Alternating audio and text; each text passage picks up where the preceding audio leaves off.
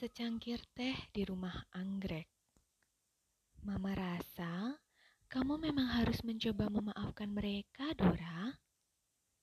Dora menyesap tehnya dengan gelisah. Ia baru saja menceritakan semuanya pada Mama Ronald, yang biasa ia panggil Mama, karena mereka sangat dekat, bahkan setelah Ronald meninggal. Mama hanya tinggal sendirian setelah ditinggal Ronald. Suaminya sudah meninggal bertahun-tahun yang lalu, dan Reynald, kakak Ronald, sedang kuliah di luar kota. Tapi Ma, gak segampang itu. Mereka... Memaafkan memang gak mudah, sayang. Tapi dengan memaafkan, semuanya menjadi indah. Percaya deh sama Mama. Dora menaruh cangkir tehnya di atas meja, lalu beranjak mengikuti Mama yang sedang mengurus anggreknya di sudut dekat pintu. Saat ini mereka sedang menikmati sore bersama di rumah anggrek milik Mama. Letaknya bersebelahan dengan rumah Mama. Rumah khusus itu dipenuhi oleh berbagai macam anggrek dari yang harganya murah sampai jutaan, dari yang warnanya pucat hingga menyala, dan masih banyak lagi yang bisa membuat Dora betah di sini membantu Mama merawat anggreknya. Ronald marah nggak ya, Ma, di sana? Kan secara nggak langsung mereka juga terlibat. Mama menoleh dan menghampiri Dora. Ia merangkul Dora dan mengajaknya duduk di kursi yang tadi mereka tempati. Sebuah tempat yang disiapkan khusus oleh Mama untuk menghabiskan waktu bersama Dora di rumah anggrek.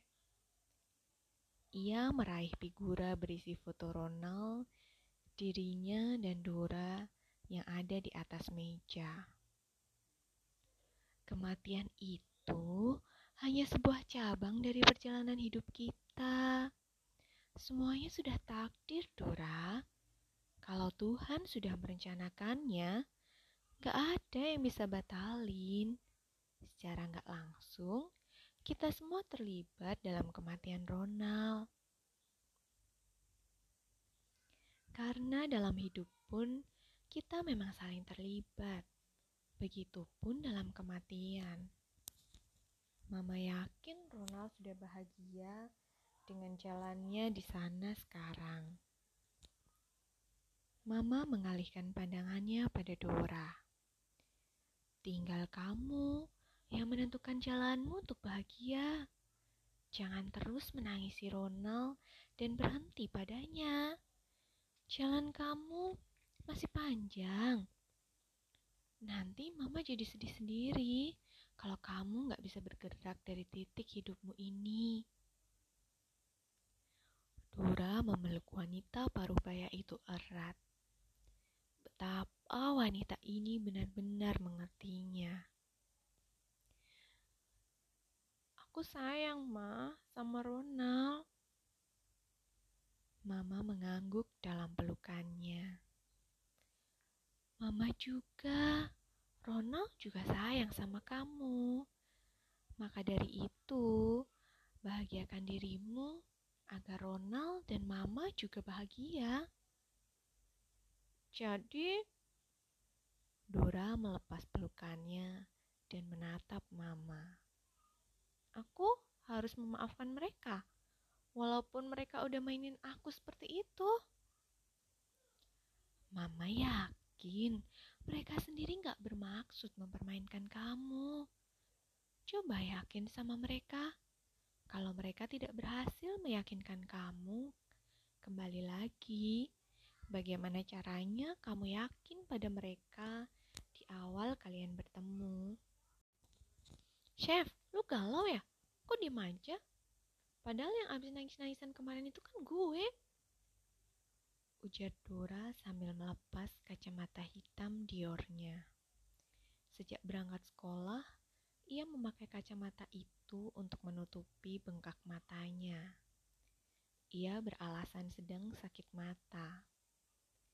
Tapi ia sudah tidak tahan lagi dan melepas kacamata itu begitu mereka pulang sekolah. Tidak peduli kalau begitu melewati koridor, semua orang bisa melihat bengkak matanya. Tuh, dibabel aja ya ceritanya, Rak. Dora mengangguk dan mengikuti Chevy berjalan keluar gerbang tanpa mengambil mobilnya. Toh mereka bisa kembali lagi ke sekolah karena Bubble, kedai minuman dingin favorit mereka, terletak di seberang duta bangsa. Setelah mereka duduk dan mendapati Joko Freeze Bubble, Chevy menarik nafas sebelum cerita. Cowok yang kemarin datang ke rumah lo, itu pangeran gue, Ra. Hah? Dora menepuk dadanya ketika bubble yang ditelannya tiba-tiba tersangkut dan membuatnya tersedak. Yang mana? Kan ada empat orang. Yang kemarin pakai baju hitam terus pakai jeans fat out, ujarnya. Dora sadar, pasti Dilan. Di antara keempat sepupu itu kan yang masih SMA memang hanya Dilan. Cowok itu sendiri pernah bilang kalau dia sekolah di AHS. Dora yang sudah kembali tenang menatap sahabatnya yang kini tertunduk.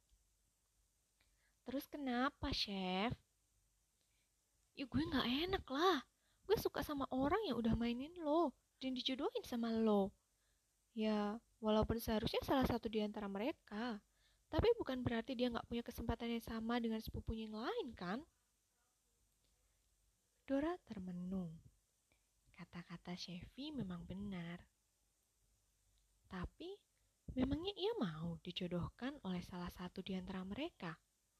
Lagi pula, selama ini ia nyaman dengan Dylan hanya sebagai sahabat.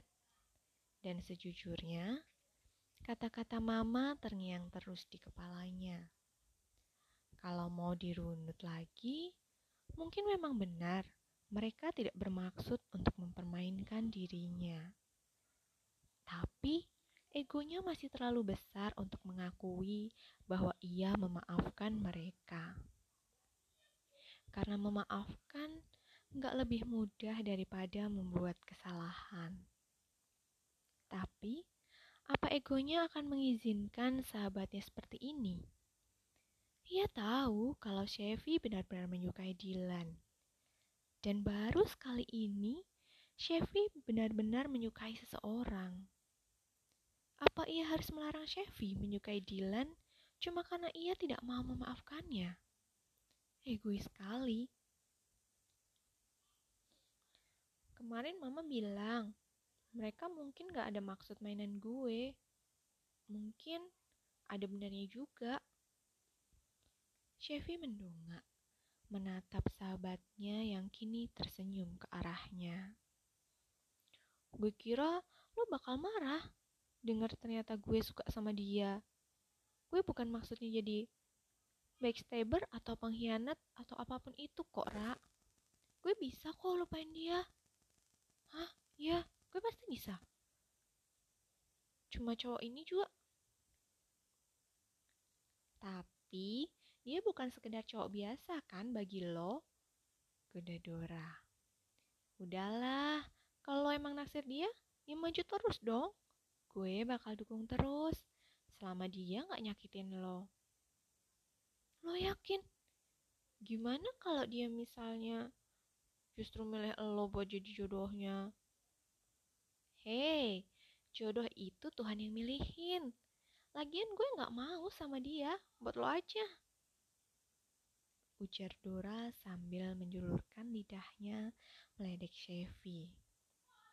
Setelah itu, mereka menghabiskan waktu selama setengah jam sampai Dora ditelepon oleh Noel. Chevy memperhatikan Dora yang sedang bicara di telepon. Sahabatnya itu begitu tegar dan kuat, dan ia pantas mendapat seseorang yang benar-benar menyayanginya setulus hati.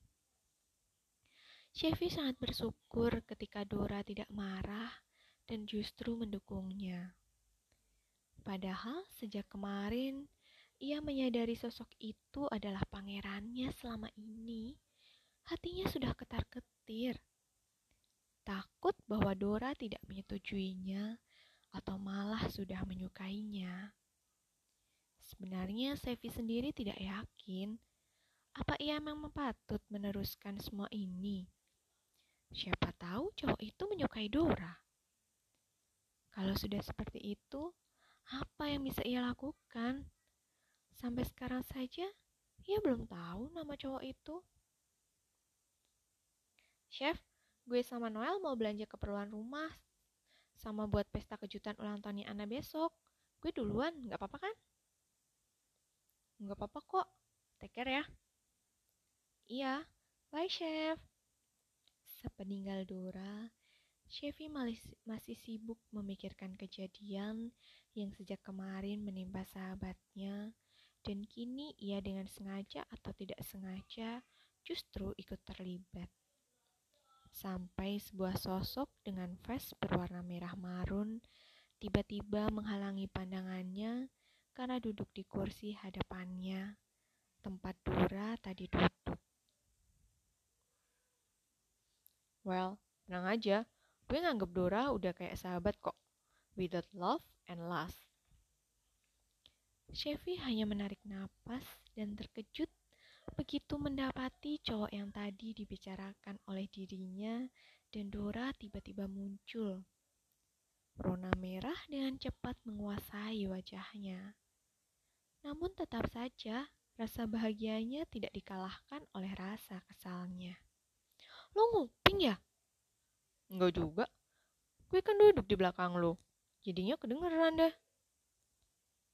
Jawabnya santai sambil meraih kelas Evi yang masih cukup penuh dan meminumnya.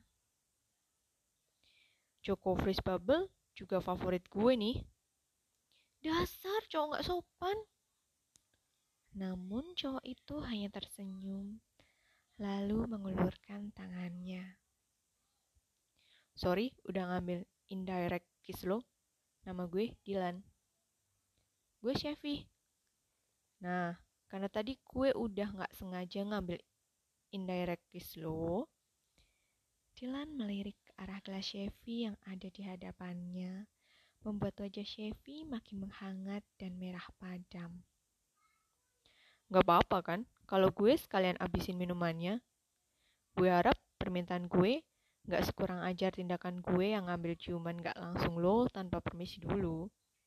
Minuman itu gak ada apa-apa dibandingin manisnya lo. Rasanya Chevy ingin tenggelam saja di tempat itu. Batinnya benar-benar tidak siap mendapat kejutan bertubi-tubi sekaligus. Bertemu langsung dengan pangerannya, dan cowok itu langsung flirting habis-habisan.